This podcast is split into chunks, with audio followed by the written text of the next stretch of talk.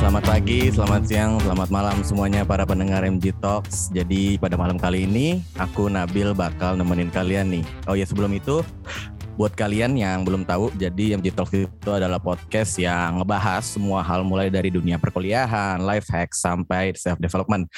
Dan pada kali ini aku ditemani nih oleh Teh Shanti dan Kang Yusuf. Sebelum kita mulai enaknya kita kenalan dulu nih. Uh, gimana mulai dari Kang Yusuf dulu deh eh mungkin boleh perkenalan singkat sama lagi sibuk ngapain aja sekarang-sekarang nih. Oke, thank you banget nih Nabil udah diundang di MGT Podcast ya. uh, sebelumnya kenalin teman-teman semua, uh, selamat pagi, selamat siang, selamat sore, selamat malam uh, para pendengar setia MGT Talks, MGT Talks. Uh, kenalin, uh, nama aku Yusuf, uh, panjang-panjangnya sih Muhammad Nur Yusuf. Uh, aku di sini jadi narasumber dari MGT Talks kali ini ya. Uh, sekarang nih aku kesibukannya sih jadi mahasiswa aja sih, mahasiswa semester 3 sama kesibukan di organisasi di yang nanti organisasinya bakal kita bahas sekarang sih gitu sih kalau dari aku. Oke oke asik asik. Sekarang dari gimana kalau Teh Shanti sekarang gimana nih? Oke, uh, halo semuanya pendengar. By the way, maaf banget kalau nanti suara aku nggak podcast able, tapi aku senang banget diundang ke MG Talks ini. Dan kenalin nama aku Santi. Aku kesibukannya kurang lebih sama sih sama Yusuf, lagi uh, sibuk semester 3 aja dan uh, ada salah satu organisasi atau UKM yang nanti kita bakal bahas lebih lanjut gitu. Oke oke, ini jadi ya buat para pendengar MG Talks. Jadi uh, organisasi yang bakal kita bahas sekarang adalah IESEC. Uh, topiknya sebenarnya IESEC Unpad and how their global voluntary voluntary work. Ya, jadi uh, awal-awalnya nih uh, Kang Teteh mulai dari Kang Yusuf dulu deh. Kang Yusuf tuh di IESEC menjabat sebagai apa dan bagian apa kalau boleh tahu? Oke, uh, aku ini sekarang menjabat jadi marketing staff di global untuk Global Volunteer for Youth di ISEC Unpad. Jadi divisinya itu namanya Global Volunteer for Youth Nabil, staff marketing. Oke, kalau dari Teh Shanti gimana? Oh, kalau aku tuh beda fungsional. Jadi kalau Yusuf itu bagian uh, front office ya yang bakal kontak langsung sama orang-orang yang mau volunteer kalau aku tuh bagian finance, jadi uh, keuangan dan itu kalau di ISEC tuh jadi back office gitu. Jadi yang ngurus keuangan, terus nge-track anggaran dan lain-lain itu tugas aku gitu.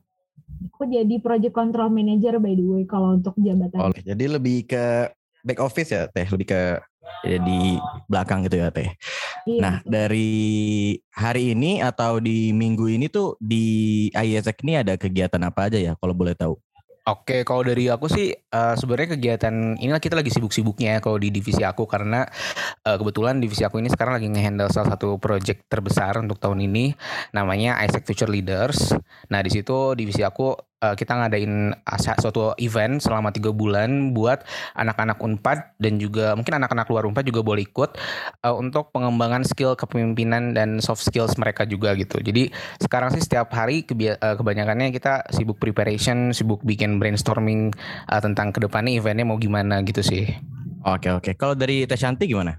Kalau aku karena kebetulan ya aku tuh bertugas untuk nge-track uh, sejauh mana sebuah project itu berjalan dari uh, point of view finance-nya. Jadi aku juga ikutan sibuk sih lumayan, tapi nggak sesibuk Yusuf. Uh, kan Yusuf tuh langsung gitu. Kalau aku lebih ke uh, gimana ya persiapan keuangan project Isaac Future Leader yang tadi Yusuf mention itu dan selama berjalannya nanti sesuai budget apa enggak gitu. Kalau aku sibuknya itu aja sih nggak nggak sehektik Yusuf. Oh jadi intinya kalau anak-anak ISEC tuh bahasanya lumayan sibuk ya, Kang Teteh. Iya, bisa ya. dibilang gitu sih. Bisa dibilang gitu ya, San ya. Sibuknya tuh ada peak season gitu loh. Jadi kadang-kadang nah, kita iya. sibuk banget, kadang-kadang biasa aja gitu. Ya gimana organisasi pada umumnya lah.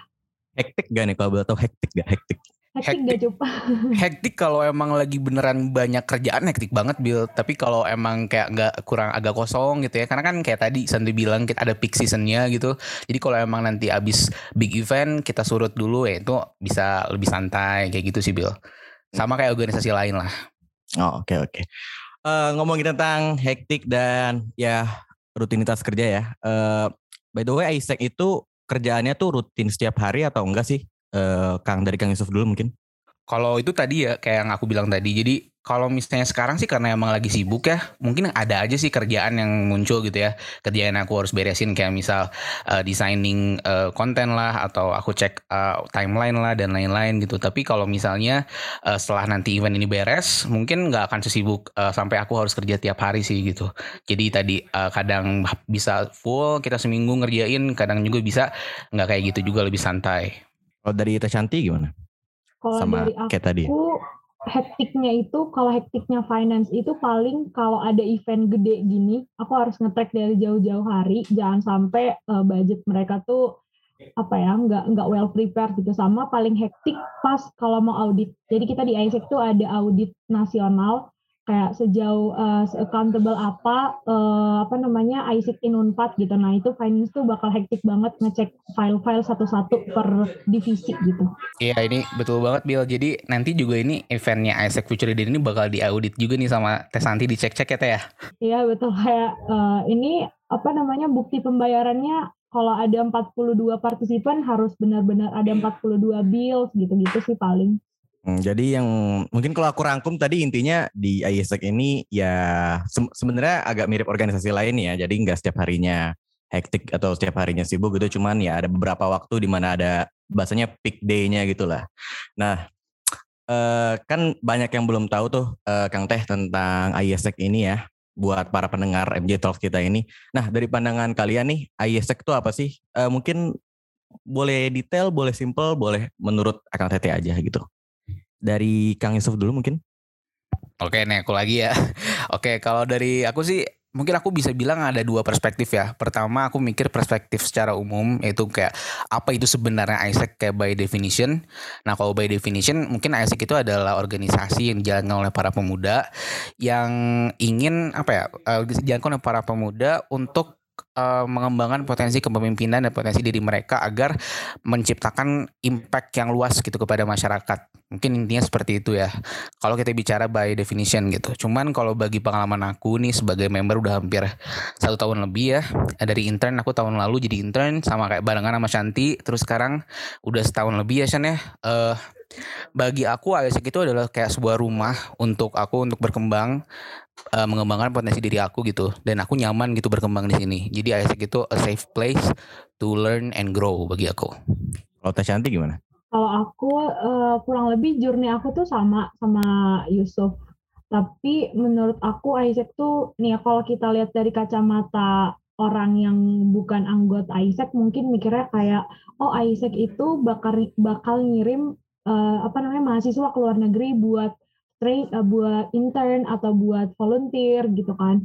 Nah itu nggak salah sih sebenarnya karena memang itu adalah main produk kita gitu. Kita mau ngasih international exposure. Kalau misalnya dari kampus sendiri kan uh, mungkin FEB beruntung ya punya international office yang aktif gitu. Tapi ada beberapa fakultas yang memang international office-nya itu kan uh, apa namanya belum ada gitu. Bahkan ada yang belum ada. Dan Isaac itu jadi wadah untuk teman-teman mahasiswa khususnya kalau Isaac Unpad ya Isaac uh, mahasiswa Unpad itu buat gimana ya rasanya punya international exposure gitu. Nah Isaac itu menyediakan itu gitu. Dan kalau buat aku sebagai anggotanya ya sama kayak Yusuf Isaac itu is a home di mana aku punya teman-teman baru punya apa ya punya sahabat baru lah gitu istilahnya. Susah bareng senang bareng. Tapi yang paling aku suka dari Isaac adalah global exposure-nya itu gitu. Jadi perspektif kita tuh lebih luas gitu. Uh, jadi mungkin intinya tuh kayak ini atau ya. Kayak sebenarnya wadah buat memperdayakan eh memberdayakan mahasiswa gitu nah itu di skala internasional gitu nggak sih teh kira-kira iya betul kalau misalnya uh, Hima kan lebih kayak gimana kita memimpin diri kita sendiri gitu kan. Kalau di Isaac tuh kalau uh, misalnya Nabil jadi customernya Isaac gitu. Kalau Nabil jadi customernya Isaac, Nabil tuh punya change untuk um, misalnya mau volunteer ke Filipina gitu. Nah itu bisa untuk dari beli produknya Isaac gitu. Jadi ada dua perspektif sih. Misalnya kayak dari sisi customer dan sisi uh, anggota gitu. Gimana menanggapinya aja uh, awalnya uh, Teh Shanti ini kan tadi bilang kalau ya, abis masuk ternyata uh, Isaac tuh ya bagus gitulah. Nah awalnya Teh Shanti ini uh, kepikiran nggak sih buat masuk Isaac ini? Jujur li ya, to be honest gitu, enggak sama sekali. Aku tuh ya gimana ya maba online gitu, angkatan pertama. Terus disuruh ini kan, kamu ingat gak sih kalau kamu ikut Prabu itu kan ada kayak stand-stand gitu ya di websitenya Ah, Prabu, iya, ada iya, iya, ada iya, iya. UKM UKM gitu. Nah aku tuh Mhm. bingung kan, ini ini kayak ekskul di SMA nggak sih yang harus wajib diikutin? Kalau nggak diikutin ntar rapotnya jelek gitu. Terus aku dengan cluelessnya ya udahlah ikut aja. Terus aku nanya teman aku kan di mana juga, kamu ikut UKM apa? Terus kata dia, aku daftar ISEC ya udah, aku ikutan. Padahal aku nggak tahu ISEC itu apa. Yang penting aku punya UKM biar aku punya dalam tanda kutip ekskul gitu. Aku kira tuh wajib, jadi ya udah ikut aja. Jadi uh, awalnya nggak tahu gimana gitu ya teh. Ya ikut-ikut aja gitu ya awalnya ya. Iya betul, soalnya ISEC tuh kan nggak maksudnya aku nggak pernah dengar ISEC karena SIA SMA aku juga di daerah gitu, jadi nggak nggak pernah dengar ISEC. Mungkin kalau teman-teman yang SMA-nya di Bandung atau di Jakarta ya ISEC itu udah udah sering didengar gitu, jadi aku awalnya bingung sih. Oke oke oke. Kalau dari Kang Yusuf gimana? Awalnya kepikiran nggak buat masuk ISEC? Eh ini jujur sebelumnya disclaimer juga ya, eh, aku nggak ikut-ikutan Shanti nih, tapi sebenarnya mirip banget nih pengalamannya sama Shanti. Jadi waktu pertama kali jadi maba, aku itu emang sama ya anaknya dari kabupaten lah istilahnya gitu ya, kurang kurang tahu juga apa itu Isaac, saya nggak pernah kepikiran. Cuman waktu itu pas jadi maba, aku inget banget, jadi di grup angkatan gitu ya sama kalian juga maba 21 kan ya, eh, Nabil. Jadi di grup Hmm. angkatan kayak pada daftarnya kalian udah daftar ke mana nih, udah daftar kayak mana nih, kayak semua orang pada rame gitu dan ketika aku scroll scrolling itu ngelihat ada eh eh, ada yang daftar Isaac gak gitu. Dari namanya aja sebenarnya tertariknya itu dari namanya Isaac ah, apaan tuh Isaac? Gitu iseng-iseng lah gitu. Eh, aku searching tuh di Google Isaac gitu ya. Ketemu baca-baca akhirnya cek coba di media sosialnya ada nggak nih? Isaac Unpad ketika ada oh ternyata lagi open recruitment emang. Nah aku baca bukletnya langsung sih gas daftar gitu. Dan aku inget banget tuh daftarnya tuh bener-bener hari terakhir dan beberapa jam sebelum mereka close registration sih. Jadi itu impuls impuls banget sih eh, ke- apa de, impulse decision gitu bil Oh, jadi dadakan gitu ya Kang ya. Agak Ah, FOMO juga iya. awalnya gitu ya. iya iya benar-benar Ngomongin pendaftaran nih, eh, Kang Teteh, eh, ada nggak sih kayak minimal requirement-nya gitu yang buat dimiliki kalau pengen daftar IESEC gitu, apa IPK atau gimana atau gimana harus apa gitu? oh Gimana, itu nggak Kang ada ya? San ya nggak ada ya San ya. Jadi ini Mungkin tuh stigma gitu. yang pengen aku patahin gitu ya. Jadi kalau teman-teman eh, dengerin podcast ini, kalau kalian mikir masuk ISEC tuh kita udah pinter banget bahasa Inggris yang TOEFL-nya udah 600, IELTS-nya udah 8, itu salah banget, totally wrong. Karena eh, yang diminta tuh karena memang ISEC ini berbasis global, jadi at least harus paham, harus paham bahasa Inggris. Jadi ya basic aja gitu, nggak usah takut pressure ah gak mau daftar ISEC ah kenapa nggak bisa bahasa Inggris ya coba aja gitu. Teman aku satu fungsional ada yang bahasa Inggrisnya awal-awal tuh ya eh, apa ya bi- ya biasa aja standar gitu. Pas di ISEC pelan-pelan kita belajar gitu. Jadi jangan di dipikirin mumet kalau ISEC tuh orang-orangnya pada yang ini kelas internasional lah atau yang TOEFL-nya 600 gitu. Nggak salah banget. Jadi intinya stigma kalau yang mau masuk IESEC tuh harus pinter bahasa Inggris, harus les sana sini tuh kag- kagak ya Teh? Ya? Enggak ya Teh? Iya betul banget. Yang penting kita bisa basicnya aja sih. Apalagi kalau misalnya eh, Ucup nih, Yusuf gitu kan, dia bakal kalau misalnya offline bakal ada bule kan, apa ya bahasa sopannya bule, eh, foreigner lah gitu, yang datang ke Nangor gitu ke Unpad. Nah kan rada susah ya kalau misalnya Ucup pakai bahasa Sunda gitu lah misalnya sama si bule ini komunikasinya. Jadi ya eh, at least basic bahasa Inggris sehari-hari harus tahu gitu sih. Nah kan eh kata Kang Teteh tadi maksudnya IESEC tuh ya bagus gitu kan. Nah eh Kang Teteh ini kalau boleh tahu di luar IESEC ini ikut organisasi lain nggak? Dan perbedaannya apa sih kayak IESEC sama organisasi-organisasi lain gitu? Oke, ini mau siapa dulu yang jawab, San? Terserah bebas sih. Oke, aku dulu ya kalau gitu. Oke, eh dari tadi aku mulu yang pertama ya, sorry ya. Jadi eh, kalau aku sih jujur nih aku emang nggak ikut organisasi lain, Bill. Nah karena menurut aku sendiri eh eh, apa ya Isaac ini udah cukup eh, cukup demanding bagi aku untuk menyeimbangkan dengan kuliah perkuliahan gitu ya. Karena harus harus balance ya kayak time management dan juga self management juga harus seimbang. Menurut aku udah cukup proporsinya. Tetapi itu juga gak menutup kemungkinan aku untuk ikut kepanitiaan kepanitiaan gitu Bill jadi proporsinya atau lebih kecil lah dibandingkan organisasi yang membutuhkan kita komitmen besar gitu kan.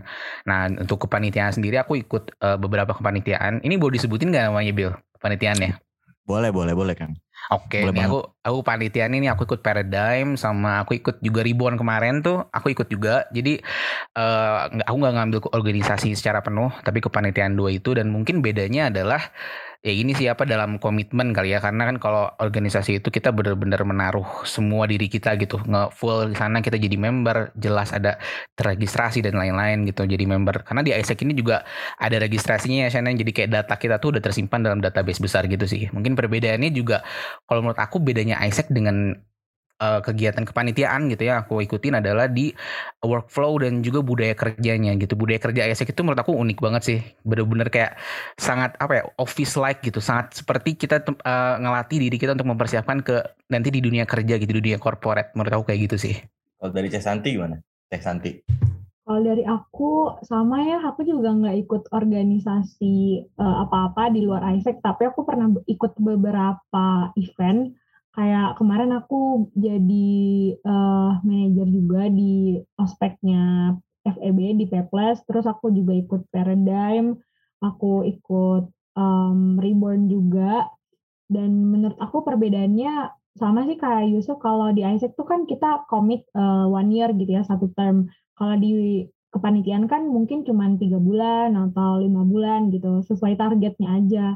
Jadi kalau kalau dibilang gimana perbedaannya ISEC sama organisasi lain, I don't think I'm capable enough to compare karena menurut aku setiap organisasi itu punya plus minusnya sendiri. But uh, workflow aku di ISEC sama di kepanitiaan itu emang beda banget karena kalau di ISEC aku kan uh, di bagian finance ya dan itu tuh benar-benar harus teliti dan into detail banget gitu. Jadi hilang satu screenshotan bills aja tuh bisa panik banget gitu kan. Mungkin kalau di kepanitiaan, oh bedanya ini.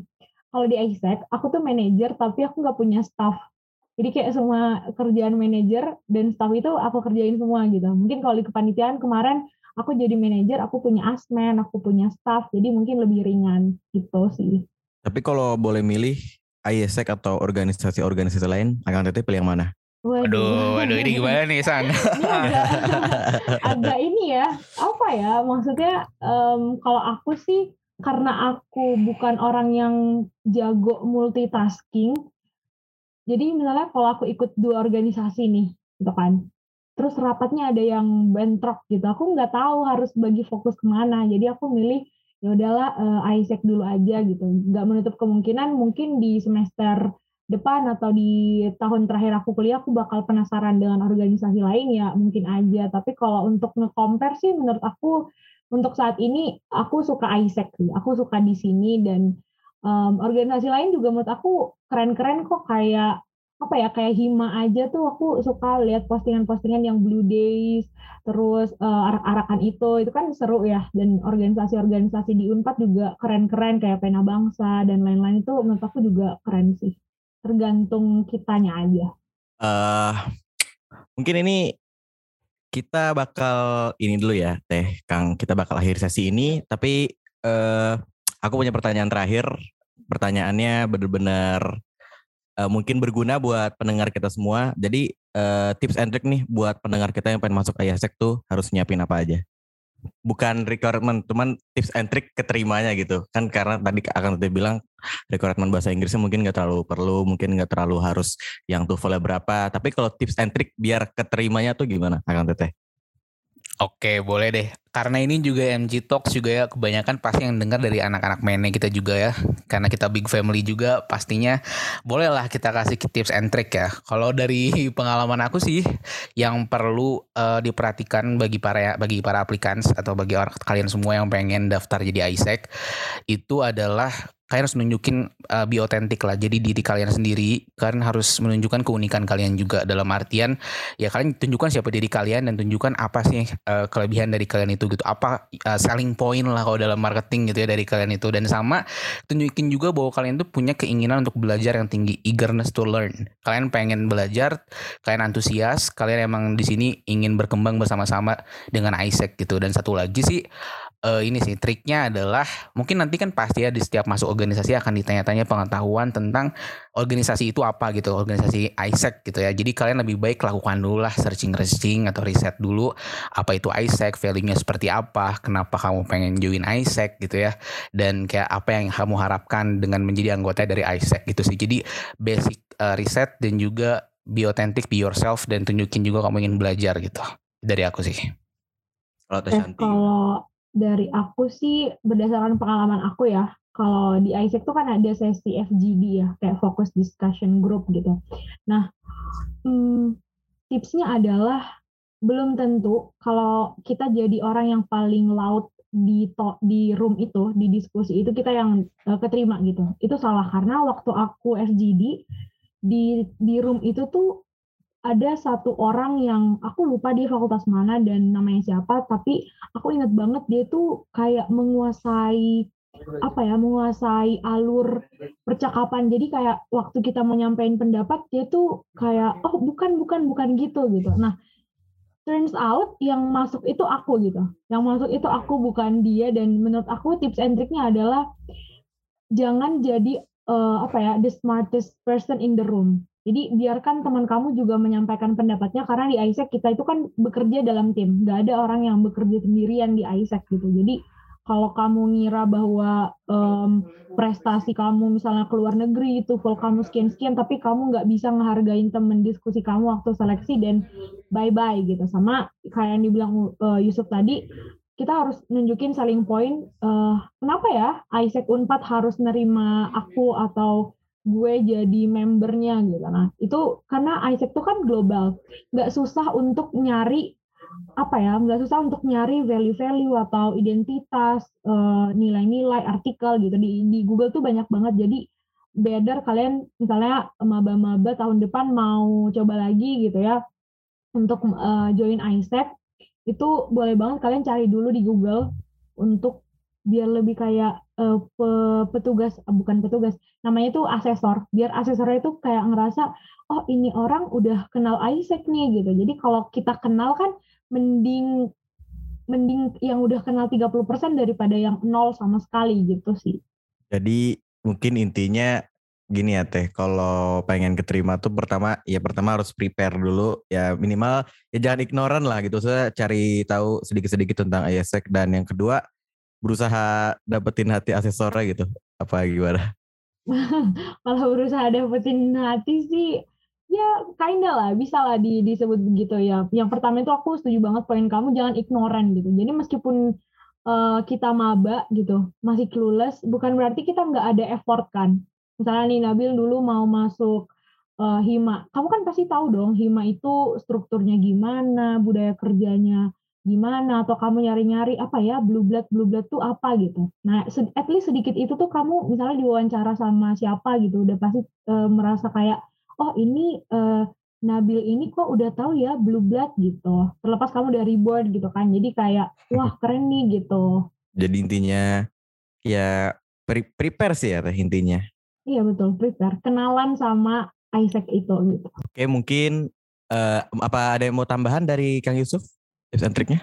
Nah ini uh, aku mau nambahin aja sih dari tadi uh, di summarize aja tadi Santi sama aku tuh apa gitu maksudnya. Jadi tadi tuh tips dari Teh Santi itu bisa diterapkin nanti di tahap LGD ya Shan ya. Nah itu bener-bener cocok banget buat diterapin harus don't be ignorant dan juga harus um, be, don't be the smartest person in the room. Let the person uh, let other people speak their minds gitu dan tips-tips dari aku tadi kayak be authentic, uh, tunjukin kalian udah riset itu bisa diterapin di tahap seleksi selanjutnya gitu. Biasanya suka ada tahap interview uh, setelah kalian lolos dari LGD gitu sih Bill ini mungkin tadi aku kelewatan ya akan teteh cuman interviewnya tuh pakai bahasa Inggris ya Yap, kita uh, eh, LGD sama interviewnya itu full English, tapi kalau emang udah mandek banget di tengah-tengah, nggak apa-apa Indo aja.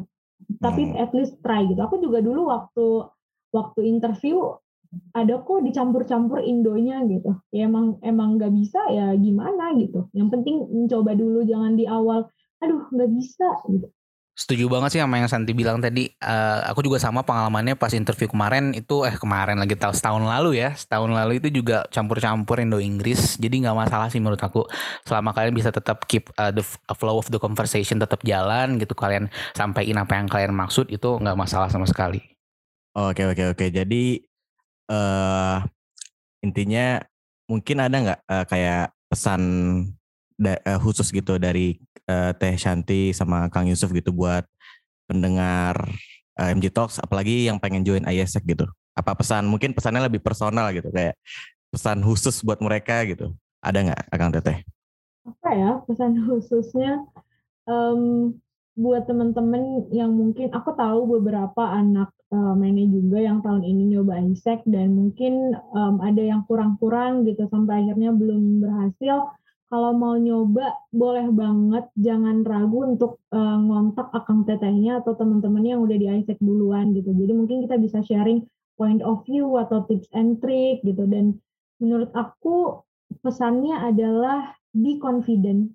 Kalau kalian udah minder dari awal cuman karena ISEC itu global based dan uh, you miss your opportunity guys gitu. Kalau kalian nggak confident sama kalian, gimana kita mau percaya sama kalian gitu. Basic sih sebenarnya tapi ya itu aku mau bilang itu aja. Kalau Kang Yusuf gimana? Uh, aku tambahinnya kata tadi Teh Shanti udah ya kayak motivasionalnya udah uh, mewakilkan mewakilkan. Kalau dari aku mungkin uh, dari segi minatnya gitu ya. Uh, bagi kalian semua teman-teman yang dengerin MG Talk sekarang nih yang berminat emang pengen memperluas relasi secara internasional, kalian pengen aktif berpartisipasi dalam uh, penyelesaian masalah-masalah SDGs atau Sustainable Development Goals, terus kalian pengen juga ada di organisasi yang memang uh, sangat terbuka gitu ya, pikirannya bertukar pikiran dengan berbagai orang di seluruh bukan hanya di nasional tapi seluruh dunia gitu karena banyak banget program-program dari ISEC yang bukan hanya untuk para customer ISEC tapi untuk member bereseknya sendiri terbuka opportunity itu kalian jangan ragu sih untuk kalian cobain daftar di ISEC karena menurut aku pengalaman selama ini itu sangat worth it banget untuk kalian coba gitu. Jadi let's go guys kayak go for it. Oke oke jadi tetap semangat ya uh, buat yang pengen masuk ISEC tuh di semangatin sama Kang Yusuf sama Teh Shantinya. Oke, makasih ya uh, Teh Shanti sama Kang Yusuf udah nemenin uh, kita di uh, episode kali ini. Ya, apa ada closing statement dari Kang Yusuf atau Teh Shanti? Udah sih. Makasih juga udah. ya teman-teman udah mengundang kita gitu kayak makasih guys. Selamat mendengarkan. Ya benar. Makasih banyak. MG Talk sudah undang aku sama Shanti di sini. Kita juga ya, aku pribadi sih agak kaget juga ya diundang gitu dan agak agak seneng seneng banget gitu ya diundang bisa sharing tentang Isaac di bareng-bareng sama teman-teman MG Talks ini. Jadi thank you banget guys. Dan semoga teman-teman yang dengerin ini kalian bisa enjoy ya tadi uh, podcast dari kita semua gitu. Thank you teman-teman. Betul. Oke jadi uh, buat para pendengar MG Talks nih uh, buat sesi kali ini sebenarnya nanti ada bagian keduanya bakal dilanjut kita lanjutin minggu depan. Jadi jangan lupa ya eh, teman-teman pendengar MG Talks jangan lupa tungguin MG Talks episode selanjutnya. Aku Nabil Arik Pasha dan selamat tinggal.